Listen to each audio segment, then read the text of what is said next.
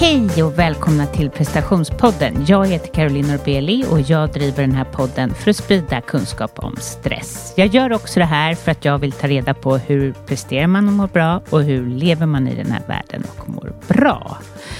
Um, Ja, eh, prestationspodden har ett nyhetsbrev och jag kommer skriva ett den här veckan. Jag väljer ut några avsnitt som jag tycker har varit de bästa och de bästa tipsen. Och det vill du inte missa så gå in på carolinorbeli.com. Jag är just hemkommen från San Sebastian. Jag har varit där med min man. Vi firade 15 år som gifta. Han eh, bokade den här resan. Han är väldigt bra på sånt eh, medan jag mest är bra på att jobba. Eller på så Nej, men jag är inte någon eh, planerare i övrigt sådär när det gäller resor och annat, utan det är något han älskar och det gör han bra. Jag behöver inte ens hålla passet. Jag kan bara gå omkring där eh, på flygplatsen eh, förvirrad och inte ens vet var vi ska någonstans. Han har koll på allt, vilket är otroligt vilsamt. Um, och väl där är det som att komma in i en dröm. Um, kanske för att världen ser ut som den gör just nu och där var det långt ifrån det. Det var människorna går i ett långsamt tempo. De, är, de ser varandra. Eh, och jag säger inte att vi svenskar är något fel på oss, utan det här har ju med klimat och annat att göra. Men det är otroligt härligt med det med mötandet man får. Jag bara Alltså hela min kropp bara njuter. Och när de liksom bara, om de beställer in ett glas vin, de verkligen njuter av det här vinet. Och de pratar så mycket. Man undrar vad det är de pratar om. Tänk om de skulle ha en podd, hur skulle det låta?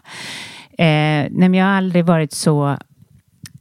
Jag var så inspirerad av dem. Det är jag ju varje gång. Jag brukar ju åka till Mallorca, men Eh, min själ mår helt otroligt bra och det blir en enorm paus för mig. Och det här havet är fantastiskt att bara bada i saltvatten. Men jag har så mycket att lära av spanjorerna. Och jag har bestämt mig för att försöka eh, anamma det här hemma. För det ska veta en sak. att njutning är, det är eh, vad heter man, motsatsen till stress.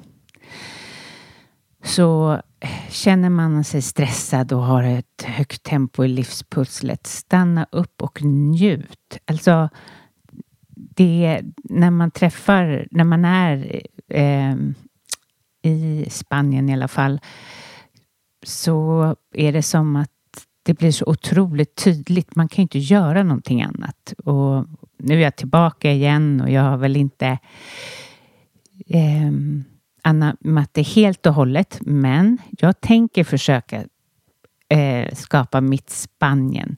Alltså att jag ska se människor mer.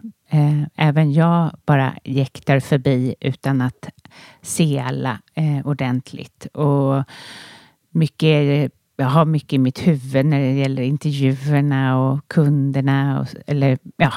så, att, men, så det är bara någonting jag vill inspirera eh, er. Alltså inspirera till att bara njuta av det som är. Vi går ju in i en tid som är väldigt mörk och eh, så, men det finns ju mycket mys och kanske liksom unna dig blommor eller ja, det som du går igång på helt enkelt.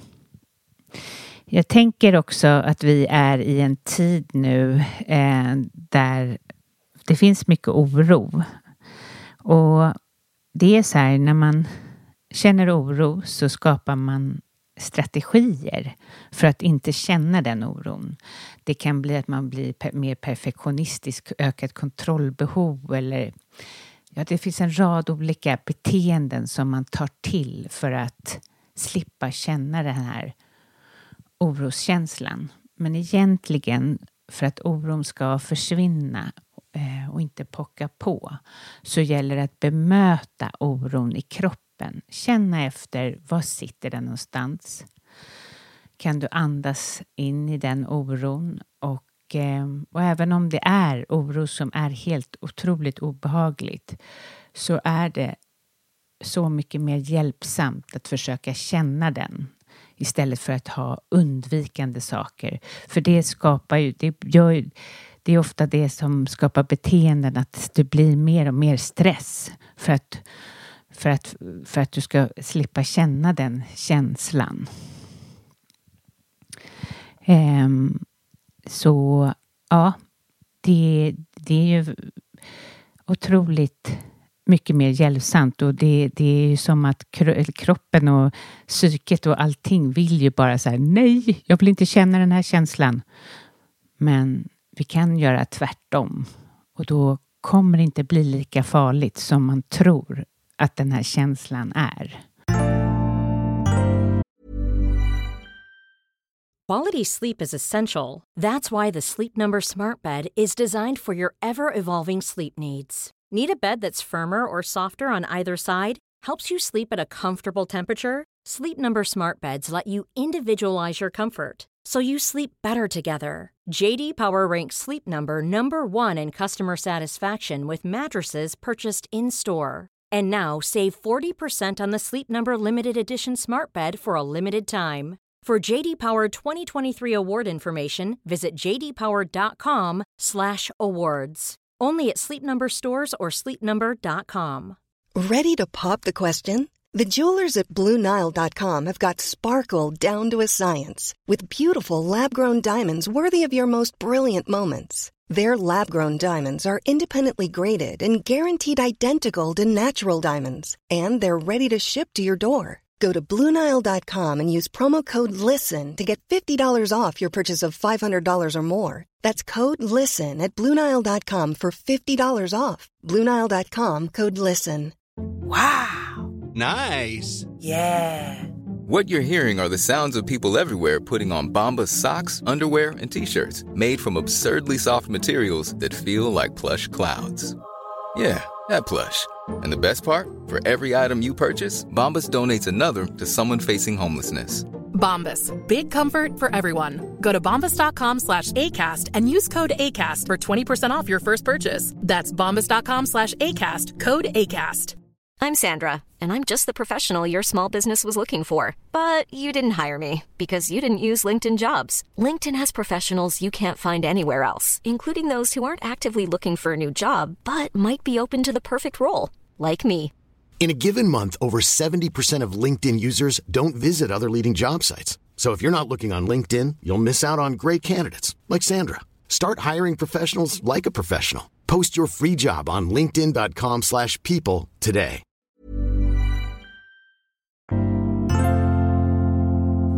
Mm. Jag har platser kvar i min coaching eh, och eh, är det så att du vill börja jobba med din oro, med stress, med prestation, eh, vill hitta vad du vill i livet, eh, vill ha något, ett bollplank så får du jättegärna höra av dig till mig på carolinorbeli.com och så kan du boka en kostnadsfri 30 minuters eh, tid med mig.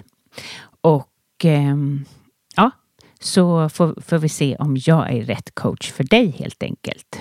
Jag har fortfarande platser kvar på mitt retreat i maj, den 22 till 25 maj och eh, ehm, ja, det är ett retreat där vi vandrar i bergen, vi yogar, vi mediterar och eh, ja, vi har en kock som lagar mat och vi bor i ett fantastiskt hus uppe i bergen och blickar ut över havet och eh, det är en magisk plats med eh, läkande natur och vi, eh, vi sätter fokus på oss själva och bara njuter. Så gå även in på carolinorbeli.com och signa upp eh, så skickar jag lite information.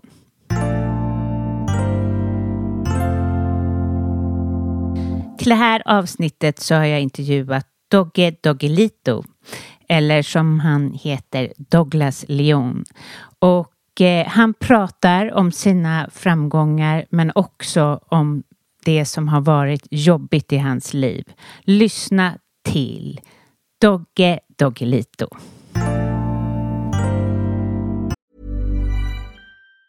This Mother's Day, celebrate the extraordinary women in your life with a heartfelt gift from Blue Nile. Whether it's for your mom, a mother figure, or yourself as a mom, find that perfect piece to express your love and appreciation. Explore Blue Nile's exquisite pearls and mesmerizing gemstones that she's sure to love. Enjoy fast shipping options like guaranteed free shipping and returns. Make this Mother's Day unforgettable with a piece from Blue Nile. Right now, get up to 50% off at BlueNile.com. That's BlueNile.com.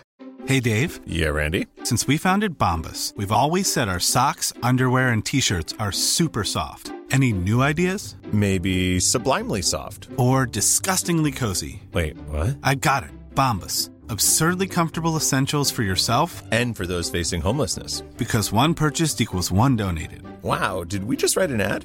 Yes. Bombas. Big comfort for everyone. Go to bombas.com slash ACAST and use code ACAST for 20% off your first purchase. Planning for your next trip? Elevate your travel style with Quince. Quince has all the jet setting essentials you'll want for your next getaway, like European linen, premium luggage options, buttery soft Italian leather bags, and so much more. And is all priced at 50 to 80% less than similar brands. Plus, Quince only works with factories that use safe and ethical manufacturing practices. Pack your bags with high-quality essentials you'll be wearing for vacations to come with Quince. Go to quince.com/pack for free shipping and 365-day returns. Välkommen till prestationspodden Dogge. Tack så mycket, tack. Mm. Jag läste att du kallar dig för multikonstnär. Definitivt. vad, gör, vad gör du mest av nu? Alltså, först och främst var det någon annan som kallade mig multikonstnär. Ja. Jag tyckte att det var ett klockrent uttryck som passade mig eftersom jag gör i stort sett allt från, jag gör musik, jag gör skivor, jag gör teater, radio, teater, skådespelar, jag målar tavlor. Eh, gör filmer, alltså jag gör allt, alltså allt möjligt. Alltså allt som går under kulturens flagga nästan skulle jag säga. Allt som är skapande är kul. Mm. Eh, men när började det? När kom du i kontakt med rappen? Eh, det var i början av 80-talet.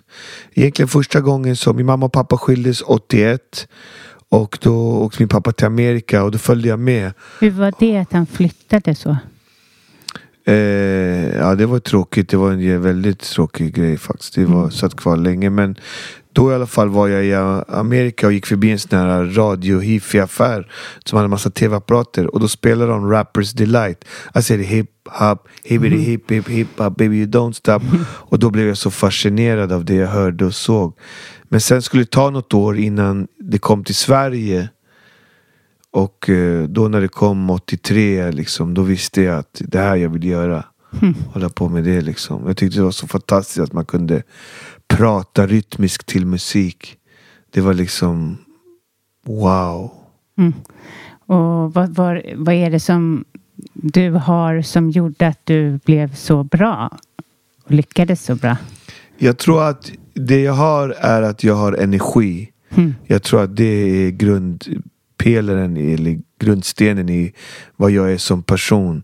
Jag har aldrig varit en speciellt eh, teknisk rappare eller varit den bästa rapparen. Så, men jag har så mycket energi så jag lär mig snabbt och gör mycket saker. Liksom, om det handlar om låtar så gör jag mycket låtar. Om det handlar om rap så gör jag mycket raps. Och det blir... När du gör någonting mycket, då blir du bra på det. Det spelar ingen roll om du boxas eller yogar eller rappar. Om du gör det tillräckligt mycket då blir det ju bra till slut. Liksom. Mm. Så, så var det för min del. Jag visste att jag ville hålla på med rap så då gjorde jag det mycket. Och, och eh, det, det, det gick vägen på något sätt. Men hur har du mått under tiden att arbeta i den branschen? Jag kan tänka mig, är det inte så att ena dagen är du jättepopulär och andra dagen kan du vara mindre intressant? Eh, det är en bra fråga. Alltså, nu har, I år har jag rappat i 40 år. Så jag har ju lärt mig mitt ah. hantverk, mitt yrke väldigt, väldigt bra. Ah. Och vet vad jag ska göra och tänka på, vet vad jag vill göra och sådär.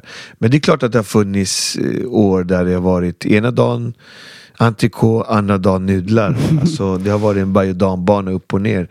Det är, alltså, bara att jobba i kultursektorn är ju att anmäla sig till en osäker framtid. Ja. Skulle jag säga. Det, det, liksom, det finns inga garantier för att just du ska lyckas. Eh, Även om du är jätteduktig, jättebra. Så finns det egentligen inga hundraprocentiga garantier att det ska gå bra för just dig. Och det är det som man lär sig liksom. Så därför lär man sig också vad man ska tänka på, hur man ska framföra, vad man ska göra. Och man liksom, jag har gjort det så länge så nu vet jag vad jag kan göra, vad jag vill göra och hur jag ska göra det. Men det krävs ju en stark person att våga satsa på det. För det är liksom att satsa på entreprenörskapet inom en väldigt osäker bransch. Jag menar, eller hur? Du måste ha karaktär, men sen tror jag också om du älskar något och tycker om det väldigt mycket så blir det ju oftast lättare för att du gör ju det du älskar att göra. Jag gör ju det jag älskar att göra. Det blir mycket, jag jobbar ju med det jag älskar att göra, min hobby. Eller, och det, det blir också mycket, mycket lättare då. Mm. Det är så många människor som går till jobb som de inte tycker om eller inte gillar. Men de gör det för att de säger måste göra det. Men måste man verkligen göra det? Kan man inte hitta ett jobb där man gör det man tycker om? Liksom? Jo. Det är väldigt få människor som älskar sitt jobb. En del gör det, men det är, jag tror en större grupp som i, inte gör det. De gör det för att de har de här måsten. Men jag valde sen liten att jag, jag vill rappa, jag vill hålla på med musik och kultur och det. Jag, jag föddes in i det så att säga. Mm. Jag hade nog inte så mycket val. Och du var ju en frontfigur i det. Alltså du var ju så tidig här i Sverige. Mm. Ja, coolt. Mm. Men eh, var det det som du drömde om redan som liten? Var det liksom, eller var det bara som att du halkade på ett bananskal där? Nej, jag tror att eh, jag föddes på scen och stod på scen. Min morfar gick eh, på Chalmers och spelade åtta eller sex instrument på gehör och spelade Paramount-orkestern. Min mormor gick på Konstfack. Min storbror gick på Konstfack. Han var också Sveriges första graffitimålare. Och jag ville stå på scenen redan sedan jag föddes. Jag brukade skriva låtar till min mamma när jag var fyra år och gå in och sjunga dem till henne. Och kan man när jag var sju år började jag skriva rap och uppträda i kvarterslokalen. Både som rappare och trollkarl. Det var lite olika roller där. Men jag Mm. tror att jag föddes att stå på scen. Det var liksom min destiny eller mitt öde. Eller... Så när jag var liten så brukade jag gå runt och, i Alby och säga när jag blir stor ska jag bli Sveriges kändaste rappare eller Sveriges kändaste sångare. Liksom. Men folk brukar bara skratta och bara, "Ah, jag tror nog inte det va. Men, Men, vad eh, gör kändisskapet med dig då? Hur mår du av det? Eh, det är ju, alltså Jag förstår din fråga för att kändisskap är inte alla redo för. De kanske vill göra musik men inte vill vara kända eller de kanske vill göra musik men inte synas. Men jag älskar mitt jobb, jag älskar liksom kändisskapet också på något sätt. För att det gör att jag kan hålla på med det jag älskar. Utan kändisskapet skulle jag inte kunna hålla på med det jag älskar. Det, det är en sak som går hand i hand så att säga. Liksom. Det, det tillhör spelet på något sätt. Och jag kommer ihåg mycket väl när jag blev känd, då kommer jag ihåg att jag åkte tunnelbana och så åkte jag förbi Gamla stan och så började folk så här viska och peka och grejer. Och så här, typ där är han eller någonting och så här. Och så tänkte jag, varför pekar de på mig? Vad, vad är det här? Vad är, det? är det min keps eller vad, har jag någon fläck någonstans eller något konstigt? Men då just den dagen hade jag varit med i en hel sida i Aftonbladet. Det här var innan internet, då var det tidningar och tv som gällde. Och Anna Björkman hade intervjuat mig och gjort en hel sida i Aftonbladet. Så folk började känna igen mig från den här intervjun. Det är han typ.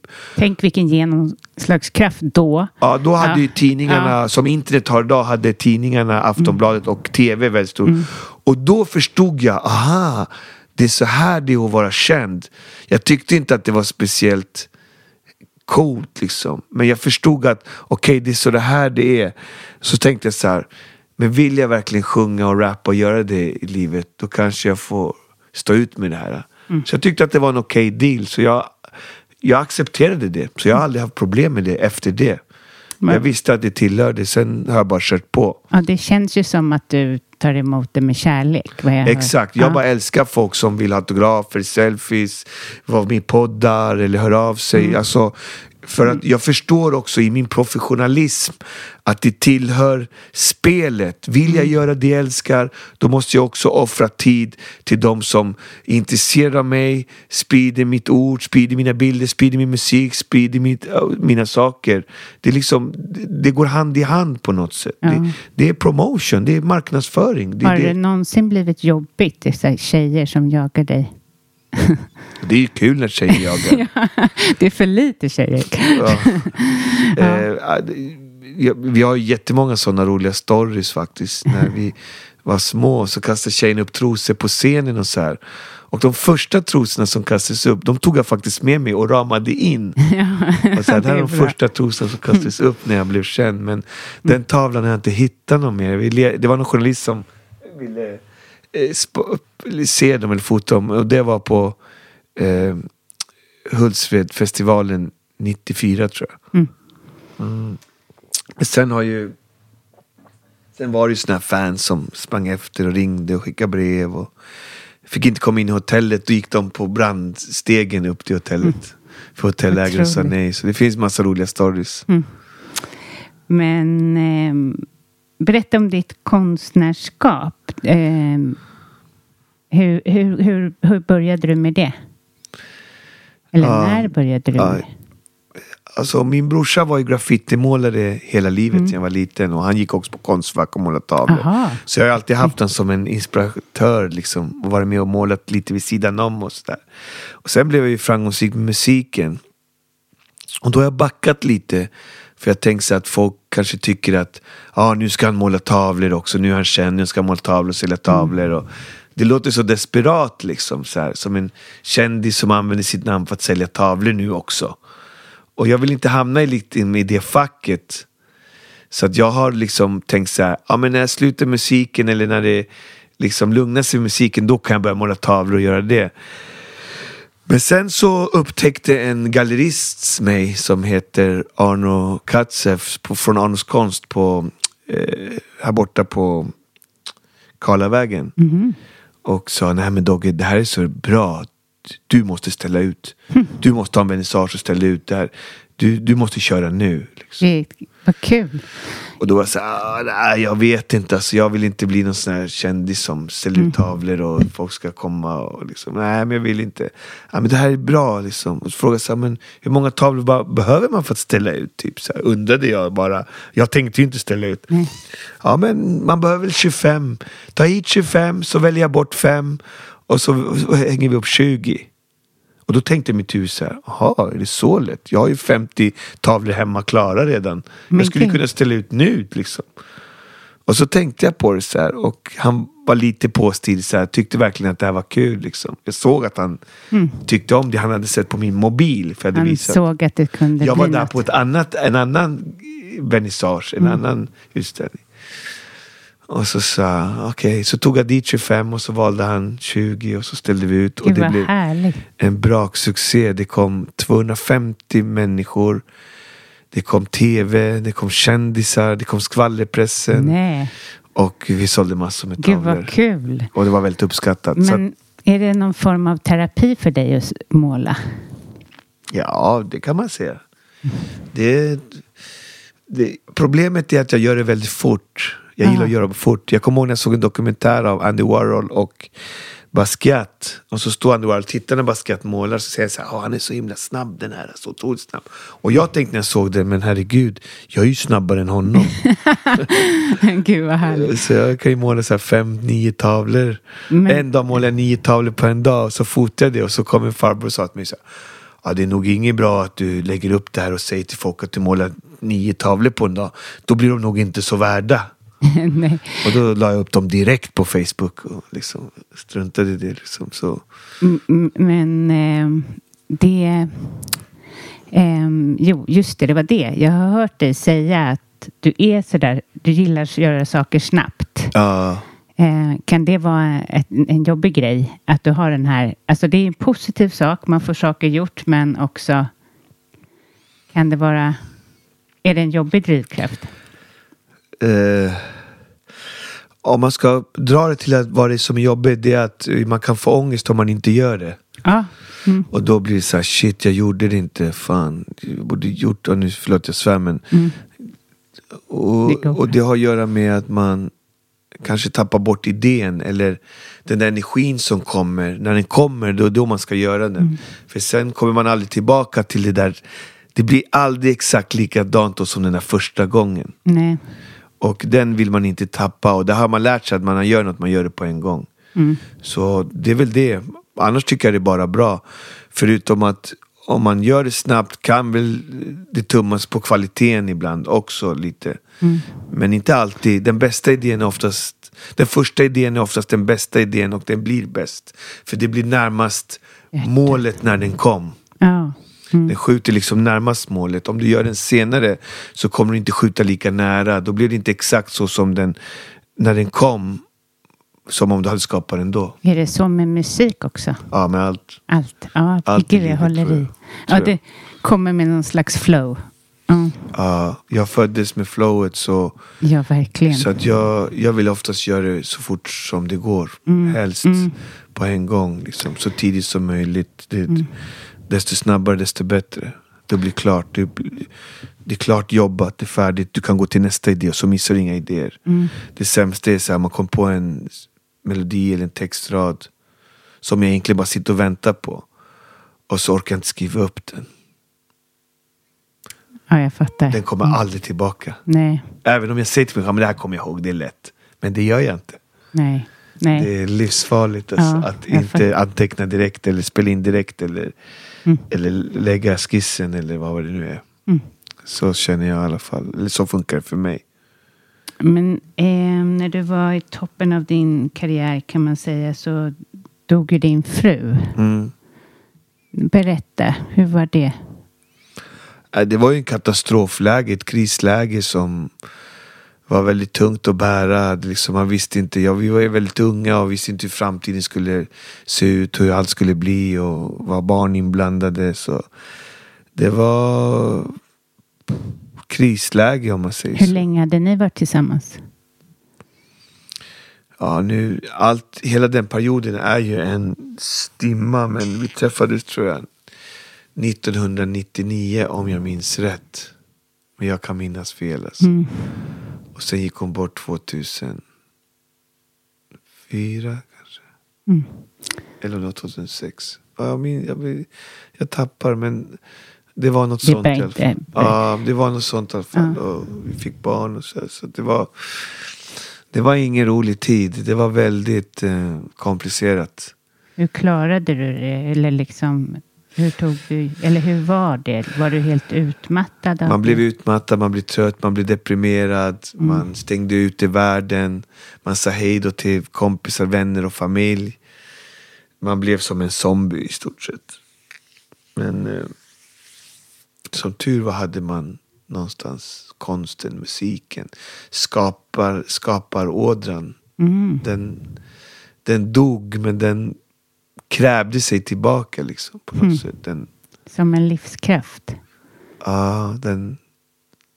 Just där och då ville den inte skapa eller då dog flödet eller flowet. Men sen efter ett tag så började den bli hungrig så att säga. Flowet Ville bli- du helt stänga ned då? Det Jag gjorde det, jag stängde ner allt. Jag Ah, drog ut alla inte- sladdar, all telefoner, Ah, allt. Jag blev så Folk deprimerad. måste blivit jätteoroliga runt dig. Ja, fast jag sa ganska tydligt så här att jag inte vill ha kontakt eller ses. Eller, Mm. Det här blir sista vi gör. Liksom, tack. Oj, oj, oj. Ja, Ja, det blev gud. så. Man, man stängde in sig själv så att säga i sin egen värld. Mm. För att bearbeta eller någonting. Ja. Man orkade inte med människor. Och det är inget illa mot dem eller det är inget personligt. Du vet. Om jag är jätteledsen och så går du runt och är jätteglad. Det, det blir fel liksom. Mm. Även om du menar ju inget illa. Nej. Nej. Och, så då... Det, det blir en...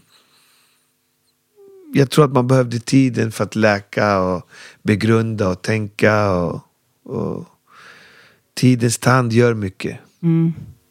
Ja, den gör ju det. Men, men själva saknaden kan ju fortfarande finnas. Ja, alltså, ja, ja. Mm. Så man saknade ju allt liksom. Mm. Men, Men vad, hur tog du någon slags hjälp? Fick du hjälp av någon att prata om depressionen eller? Nej, nej, jag, nej jag, jag bearbetade det själv. Oj, till slut så tog ju pengar slut. Jag var tvungen att gå och jobba och då började jag ragga jobb. oj. Och sen när jag väl började jobba, då började jag jobba riktigt hårt, alltså, ordentligt. Så att tankarna skingrades och, och, och blev mindre kring det och istället tänka på jobb och sånt istället. Och kanske för att du älskar ditt jobb så kunde det bli en... Ja, det Ja. blev som en motpol som hjälpte mig. Mm. Som drog mig ur det här mörka hålet till liksom något positivt ljus istället. För att eh, depression, jag är ingen person som är deprimerad utav mig. Jag är alltid glad och positiv. Så det var ganska fel ändå liksom. Men eh, du har ju haft, eller så otroligt tufft när man läser in sig på dig så har ju du haft ett fantastiskt liv med mycket framgångar och göra vad du älskar och vara så om, populär och allting. Men du förlorade även din syster som tidigt. Alltså du har fått möta döden verkligen Ja, absolut. obarmhärtigt. Ja. Ja, jag har förlorat min syster och barn också. Jag har förlorat och jag har förlorat också massa hundar som jag haft genom åren.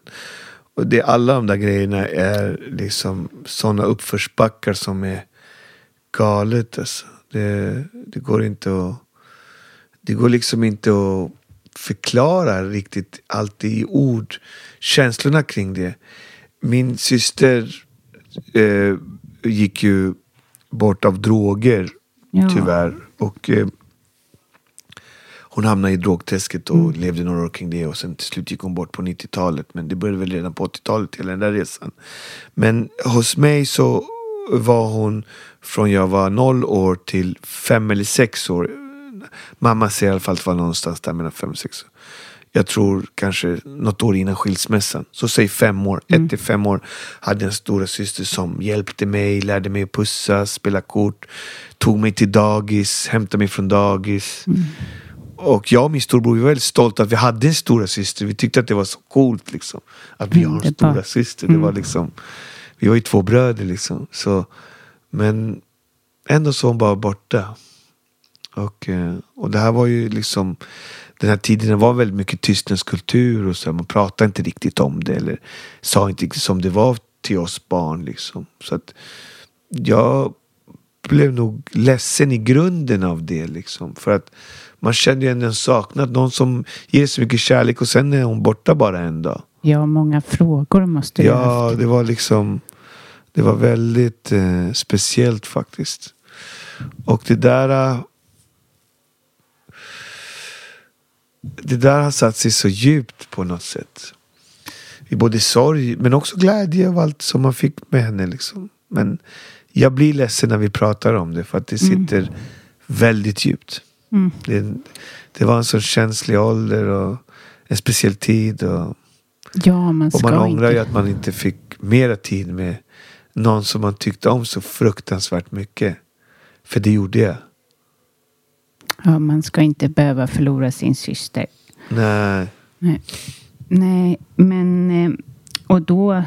Det var ingen som pratade då på den tiden så du har inte direkt alltså fått någon hjälp av någon ter terapeut eller så under livets gång? Nej, jag gick någon terapi nu som jag gjorde med tv och då gick vi, fick jag gå tre gånger så här, och då pratade vi lite om det. Men då sa jag det, jag blir ledsen att prata om det här. Mm. För det sitter, så jag har aldrig gått på någon så här terapi Nej. kring det. Nej. Jag kom ju från den tiden där man liksom, en man gråter inte, en man reder sig själv och mycket det där Mm. gamla tänket så att säga.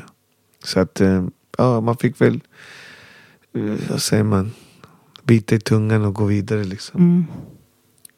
Men droger har ju på så sätt funnits en del i ditt liv. Alltså Ja. inte bara din syster utan vänner och så. Alltså, hur, vad ser du på det som händer nu? Eh, det drogrelaterade liksom, kri- kriminella våldet som sker nu.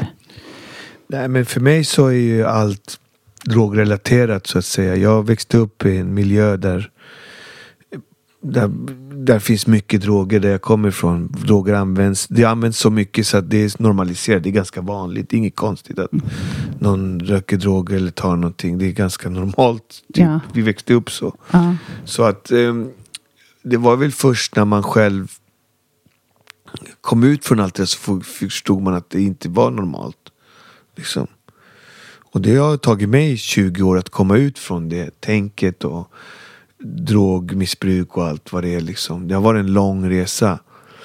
Jag tog droger när jag var ung. Nu gör jag inte det längre. Det är väl 20-30 år sedan jag gjorde det. När man, det var väl när man var 15 till 18 eller 20.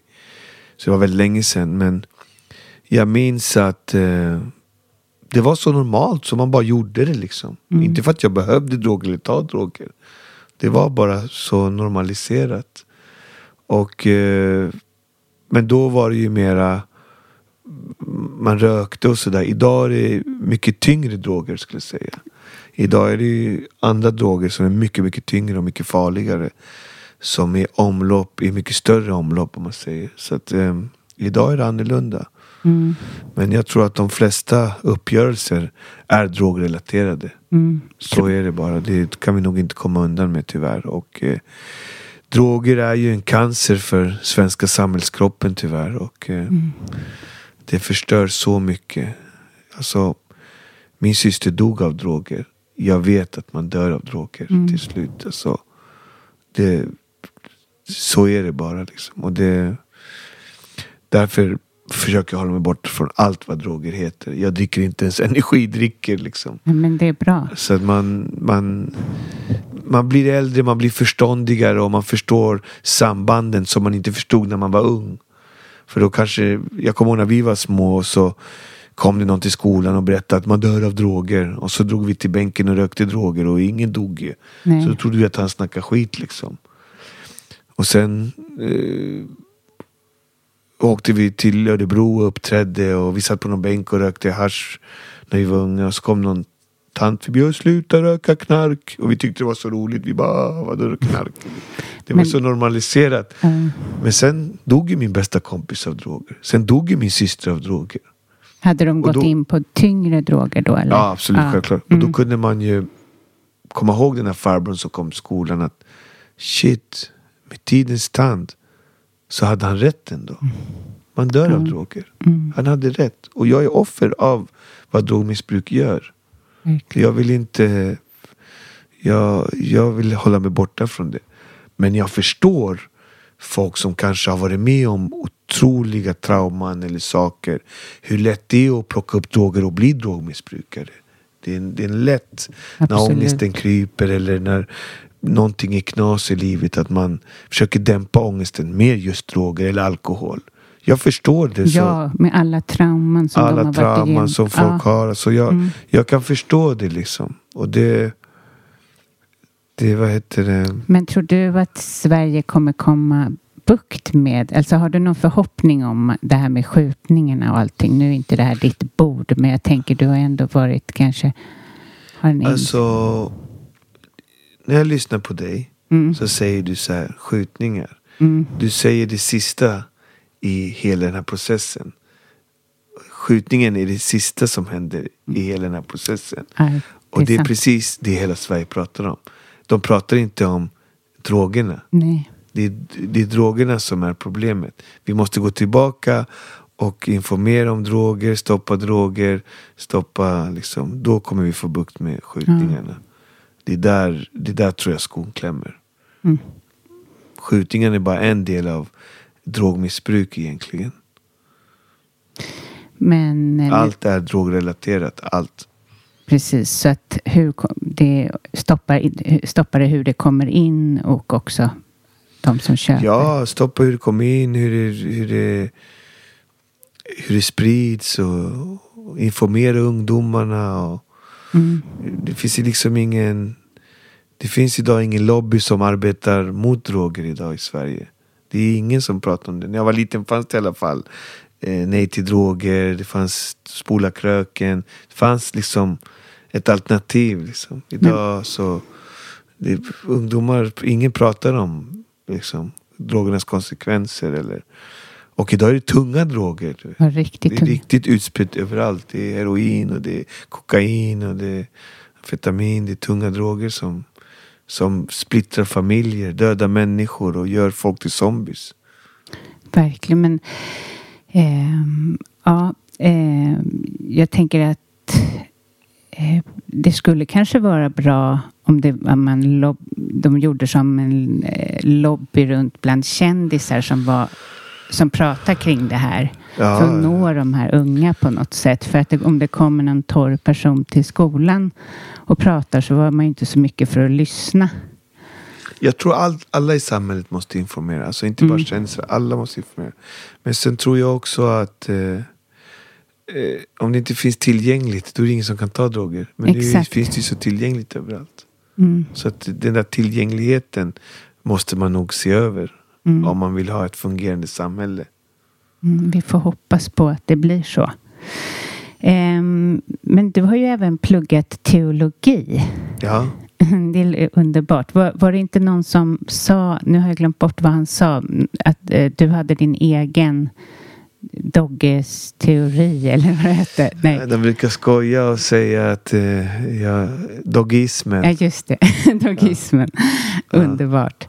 Hur var det? Varför, varför, vände, du- varför började du med det?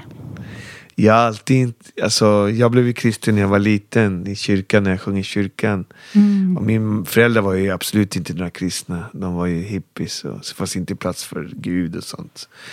Eh, för de var väl Rolling Stones och Beatles gudarna om man säger så. Liksom. Men när jag var liten och sjöng i kyrkan så fylldes jag av hans kärlek, Herrens kärlek. Och har rullat med honom sedan dess och aldrig tvivlat.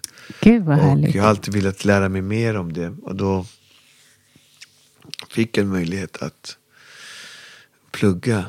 Och då gjorde jag det. Och det var det, var det bästa jag gjort faktiskt i mitt liv. Och, och vad pluggar man det? Var pluggar du det någonstans? Det pluggade jag på Teologiska högskolan i, på Brommaplan. Jaha. Det, Ja. Och eh, läste där två år. Mm. Teori, läran om Gud. mm. Men vad var din största behållning av det? Det var att man inte behöver lyssna på vad folk säger längre på stan om det ena och det andra, om Gud och Bibeln och allt och Jesus. Man lär sig själv vad Bibeln säger och förklarar. Och, och, så. och det var det jag ville. Jag ville få en djupdykning i allt vad Bibeln handlar om och vad det är och vad som förklaras och vad de vill få sagt. Och, och ehm, jag ser mig själv som bibeltroende. Jag gillar Bibeln och vill vara med Bibeln. Så för mig så är det perfekt. Vem är din favorit i Bibeln då? Finns det någon person där?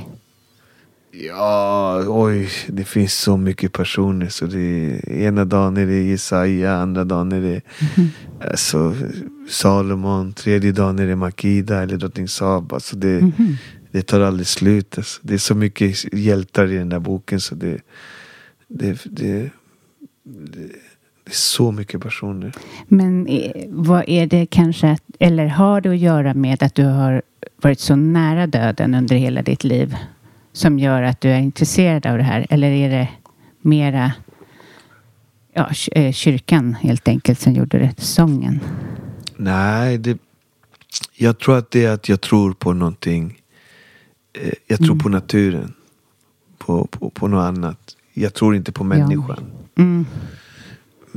Man brukar säga att vi är de framgångsrikaste djuren på planeten. Men jag tror att vi är de dummaste djuren på planeten. För vi har fortfarande inte lärt oss att leva med vår egen natur. Vi Nej. skitar ner, vi smutsar ner, vi dödar, vi stjälper, vi tar bort eh, viktig natur. Vi, är, vi är hemska egentligen. Mm. Djuren lever ju med naturen på ett behagligt sätt så gott de kan innan vi skjuter dem eller slaktar dem. Så, och, så att jag tror på en annan dimension. Mm. Och ehm, det är det Jesus pratar om, det är kärlek och, och det är Gud, så att säga, eller Herren. Men vad det är, är olika för olika personer. Det är alltså en, en annan dimension, en annan, annan frekvens. Vad det riktigt är vet jag inte själv, men jag vet och känner att det, för mig är det Gud eller Herren. Det, det, är så stort så att vi kan inte ens förstå det. Vi är för dumma för att förstå det. Mm. Ja, verkligen. Det, alltså, så, att, um, så att jag tror på det. Det, det, det. Och det var det de kallade lite som doggismen. Liksom. Ja, att det, var så. det får bli ditt ena spår som du har. Ja, ja men så ja, jag, jag tycker alla de här figurerna i Bibeln är fantastiska. Gamla stories och gamla gubbar som liksom har berättat det här så att det har blivit en bok och, och liksom det gör ju att jag är bibeltroende och i bibeln så alla de här ställena de berättar om finns ju också. Det är mm. också väldigt häftigt att varenda plats existerar och än idag kan du gå dit och titta på det. Det, mm. det, är helt makalöst. Liksom. Mm. Det är helt, man tror inte det är sant men det, varenda ställe finns. Varenda grej alltså. Kanske inte läge att åka nu när det är krig där borta men, men, men, det finns. Jag har hört det dig säga eh, himmelriket finns inom dig. Mm. Men det är inte jag som säger det, det är Jesus mm. fantastiska ord. Och det har jag sagt många gånger att det är en av mina favorituttryck eh, från Jesus. Jag tror han säger, om jag minns ordagrant, jag, jag kan minnas fel, det är så mycket man men det, han säger väl så här, him, himmelriket finns inom er. Och då kan man ju tolka, vad menar han med det? Men då, om, man, om dogge doggismen får tolka det, mm. då menar ju han att det finns ett himmelrike in i alla oss. Mm. In i mig finns ett himmelrike. In i dig finns ett himmelrike, ett annat himmelrike. Och vi får ett liv, ett helt liv. Alltså Vissa lever 70 år, vissa lever 100 år, men ett människoliv för att hitta himmelriket. Men vi är så korkade så vi tror att det är någon annanstans. Att himmelriket är där borta, där någonstans. Man kommer till himmelriket. Men himmelriket handlar, tror jag, när han säger så, himmelriket finns inom er. Att det gäller att hitta sig själv. Mm. När du hittar dig själv. Sant. När du är trygg i dig själv när din självkänsla och din självrespekt och allting, självförtroende är på topp. När du har hittat det här inne i ditt egna himmelrike som vi alla människor har, som ser olika ut säkert. Då kommer du leva i himmelriket. Så du kan göra det här och nu. Mm. Det är ingen annan plats någon annanstans. Himmelriket finns inom er, sa Jesus. Mm. Sen kanske man inte tror på Jesus eller tycker inte han var speciellt helig eller någonting. Men om du bara ser han som en man, inte någon profet eller någon Guds son. Om du bara ser han som en man som sa, så här, som sa till dig på, på den tiden, himmelriket finns inom er. Så säger han ju ganska tunga, häftiga saker. Du behöver inte ens tro på Gud, men om du bara lyssnar på vad han säger så är det ju helt makalöst grymma mm. saker han har sagt.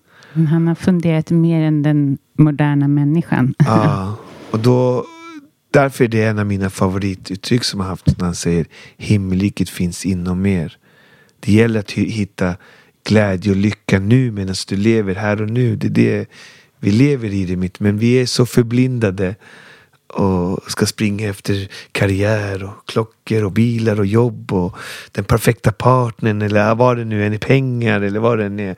Att vi, vi ser inte att himmelriket är här inom mm. oss. Här är nu. Så.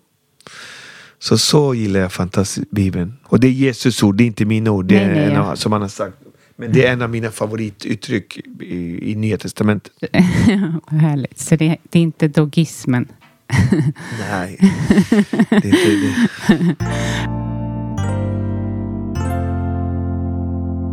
Har det här hjälpt dig, tror du, på din väg? Oh, definitivt, ja, ja. Det är som att ha en superkraft. Mm.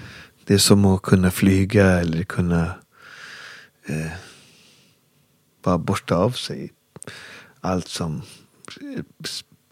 andra människor skulle må jättedåligt av eller beröra en. Eller man lägger sin... Man lägger det man har i, i Guds händer. så får han ta hand om det. Och han gör oftast det. Bönesvaren kommer. Men man måste tro. Det är som en vän som eh, man har jämt. Alltså. Han löser det åt dig. Han löser det mesta. Men han har bara ett krav. Och det är att du ger ditt hjärta till honom. Och det är inte alltid helt lätt. Nej, och det är det som blir problem. Mm. När man inte gör det. Ja, ah, men jag bad ju och gjorde allting men det hände ju ingenting. Mm. Ah, Mm. Men då kanske du inte gav det hundra. Precis. Men Mm, för det här är ju en podd om stress och det är många som lyssnar som är Mm. rätt stressade och utmattade. Jag pratar ofta om att jag tror att eh, i, i Sverige så har vi ju inte så mycket av en tro. Nej. Och att det ska, har skapat en stor stress för att vi lägger allt, vi ska bara göra, åstadkomma allting själva. Mm. Vad tror du om det? Nej, men jag tror ju om man kollar historiskt så vi tror ju, vi hade ju våran tro tror jag i Sverige med vikingar och tomtar och troll och allt möjligt. Men sen fick vi inte ha den tron. Så då eh, prackades vi på kristendomen och då var, tvungen att vara, var man tvungen att vara det och så prackades vi på det. Och då blev inte det på riktigt för ah, inget är bra som man tvingas på liksom. Så då tror vi inte på det och så till slut slutade vi att vi, all, vi alla blev artister liksom. Tror inte på någonting. Det var det bästa och lättaste. Men sen började några kika ändå och tro på Buddha eller de, de tror ju på någonting ändå. Eller när de la gröt ute på verandan. Det var ju till tomtarna eller dvärgarna eller vilka det nu var. Eller man får inte säga dvärgar. Men liksom. Så det har ju funnits tro hos svenskar Ja. ändå någonstans. Liksom. Och sen har vi haft ett så bra samhälle där vi inte haft så mycket problem så vi har inte behövt tron. Gud har inte behövts i våran vardag. Liksom. Men jag tror nu när det börjar bli tuffare, när det börjar bli stressigare, när det börjar bli sämre ekonomi eller vad som då kommer Gud och jag har märkt det själv att Gud har fått komma tillbaka mycket mer i vårt samhälle, i vardagslivet. Mycket mer som det är i många andra länder. Där Gud är en del av familjen, där Gud är delaktig på ett mycket mer sätt. Och um, där får man göra som man vill. Alltså, det är alltid mellan dig och Gud. Det är ingen, ingen kan komma och säga till dig så här, här är och så här måste du göra. Det, det funkar inte så liksom. Det, du, du, det är alltid mellan dig och Gud och du måste hitta din grej. Så jag tror att, men jag tror när problem kommer så kommer Gud eh, finnas där för dig. Det handlar bara om att du vågar öppna ditt hjärta helt. Mm. Härligt. Men, eh, Och eh, ja, eh, bönen är ju en del av det. Att du liksom har en dialog med Gud och pratar med honom och förklarar. Han vet ju redan allt innan du säger det. Men han vill ju se att du verkligen menar allt det du också. Så att om du frågar mig som person hur jag gör så ber jag aldrig Gud om någonting. För han har så mycket att göra. Så jag tackar bara honom. Det var Så jag går fint. upp på det högsta berget i Alby när jag kan. Förut gjorde jag varje dag, nu gör jag lite mindre dag. Men jag går upp på högsta berget och tackar honom varje dag för det som jag fick uppleva igår. Så om jag går dit imorgon då kommer jag tacka för att jag fick vara med i din podd och tacka Mm. för allting. Det jag redan har och upplever och är bara tacksam. Och eh, jag har känt att han har gett mig otroliga bönesvar. Så den kraften skulle jag inte vilja leva utan. Men det kanske inte funkar för alla. Alla måste hitta sin väg i livet. Det kan vara något annat för någon annan. Men för mig funkar det så och det har hjälpt mig jättemycket. Faktiskt. Jätte, jättemycket.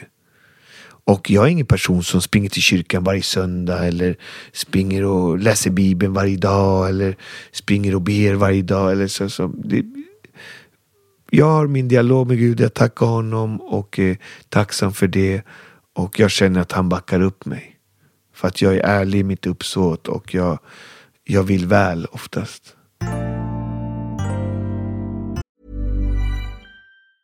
Mom deserves the best, and there's no better place to shop for Mother's Day than Whole Foods Market. They're your destination for unbeatable savings, from premium gifts to show-stopping flowers and irresistible desserts. Start by saving 33% with Prime on all body care and candles. Then get a 15-stem bunch of tulips for just $9.99 each with Prime. Round out Mom's menu with festive rosé, irresistible berry chantilly cake, and more special treats. Come celebrate Mother's Day at Whole Foods Market. Planning for your next trip?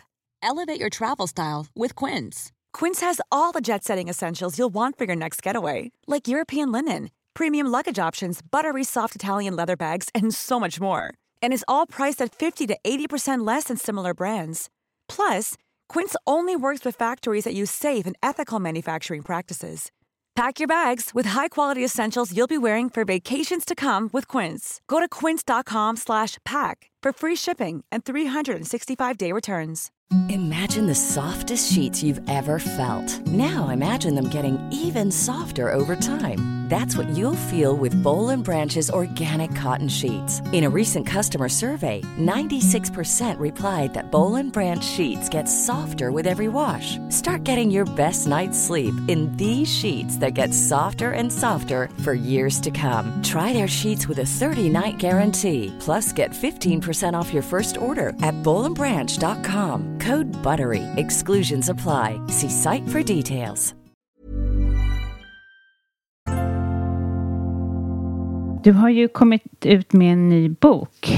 Ja, två böcker. Två böcker, ja. ja men först och främst då Dogge Doggelito, det här är bara början. Yes. Är det så du känner? Ja. Vad bra. Eller det var egentligen... Eh, jag skrev ju den ihop med eh, Nils och vad hette han den andra? Just det. Eh, Eh, Dan.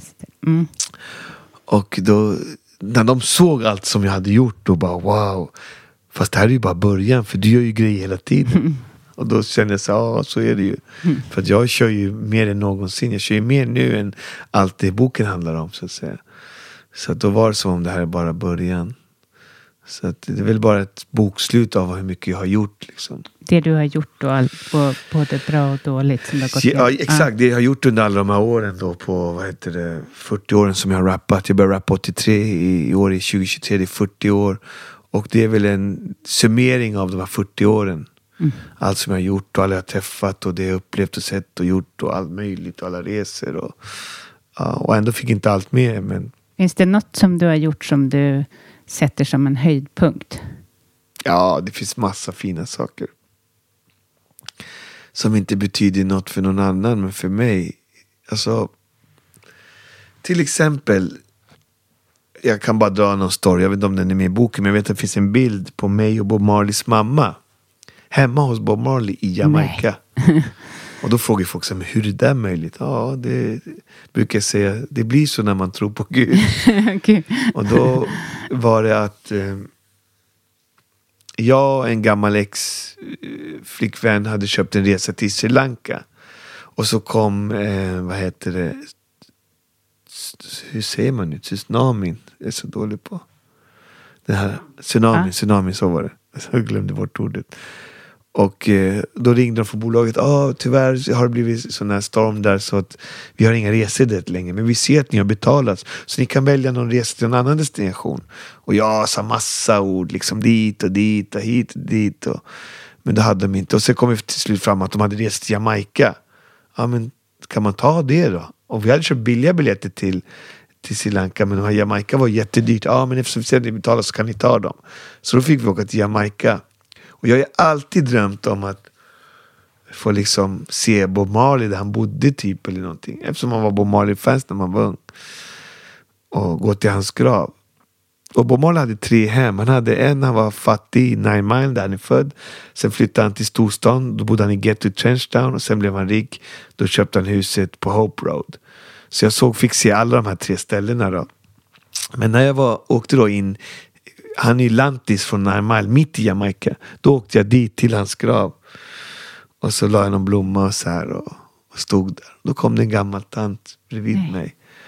Och eh, började prata med mig och jag pratade med henne så här. Och så sa hon, ah, jag brukar alltid komma hit på påsken. För det var på påsken. Och lägga blommor till mina söner. För Bob Marley ligger med sin bror då. Ett litet etiopiskt kapell så i Närmal. Söner, sa Ja, jag är Bob Marleys mamma.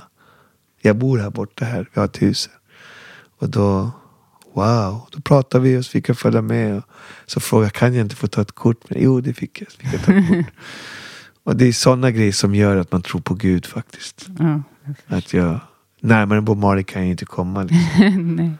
Så det var... Vilken grej. Ja, Nej. såna- vilket, att du fick tag i de där biljetterna på det sättet. Ja, det var liksom som, som Gud ändrade kurs här lite. Mm. Det var något annat jag skulle se egentligen. Men vad heter din andra bok om... Kon, om Den heter Doggy Tropical. Den handlar om min tropiska konst som jag gör. Där jag samlar skräp på gatan och gör konstverk av dem. Och det är alltid karibiska, tropiska motiv som cocktailglas, ananas, palmer, flamingos. Så, så det, Vad, är, vad eh, drömmer du om? Just, vad drömmer du om?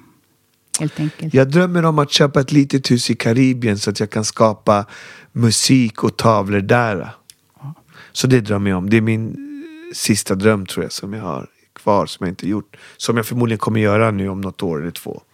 Så jag försöker jobba och samla och, och få igång det i rullning. Så att det inte bara blir snack, jag ska göra det. Och lycka till med det. Mm. Eh, vad härligt. Det ska bli kul att följa. Mm. Eh, lycka till med dina böcker. Och, ja, tack, Tack för att du mycket. kom hit. Jättehärligt att prata med dig. Tack så mycket att jag fick vara med i prestationspodden. Mm. Det var, det var trevligt. Man behöver inte alltid prestera. Man behöver bara göra. Exakt, det är du det. Ja, vad härligt. Det är, det. Det, skulle, det är ett bra tips till alla som lyssnar. Mm. Mm. Och stress kan vara jobbigt men kan också vara bra för att man får saker gjort. Men det gäller att kontrollera sin stress. Mm. Att lära sig att känna sig själv och kontrollera sin stress tror jag också. Så det, det, det, är en, det är en balans där alltid. Härligt. Ja.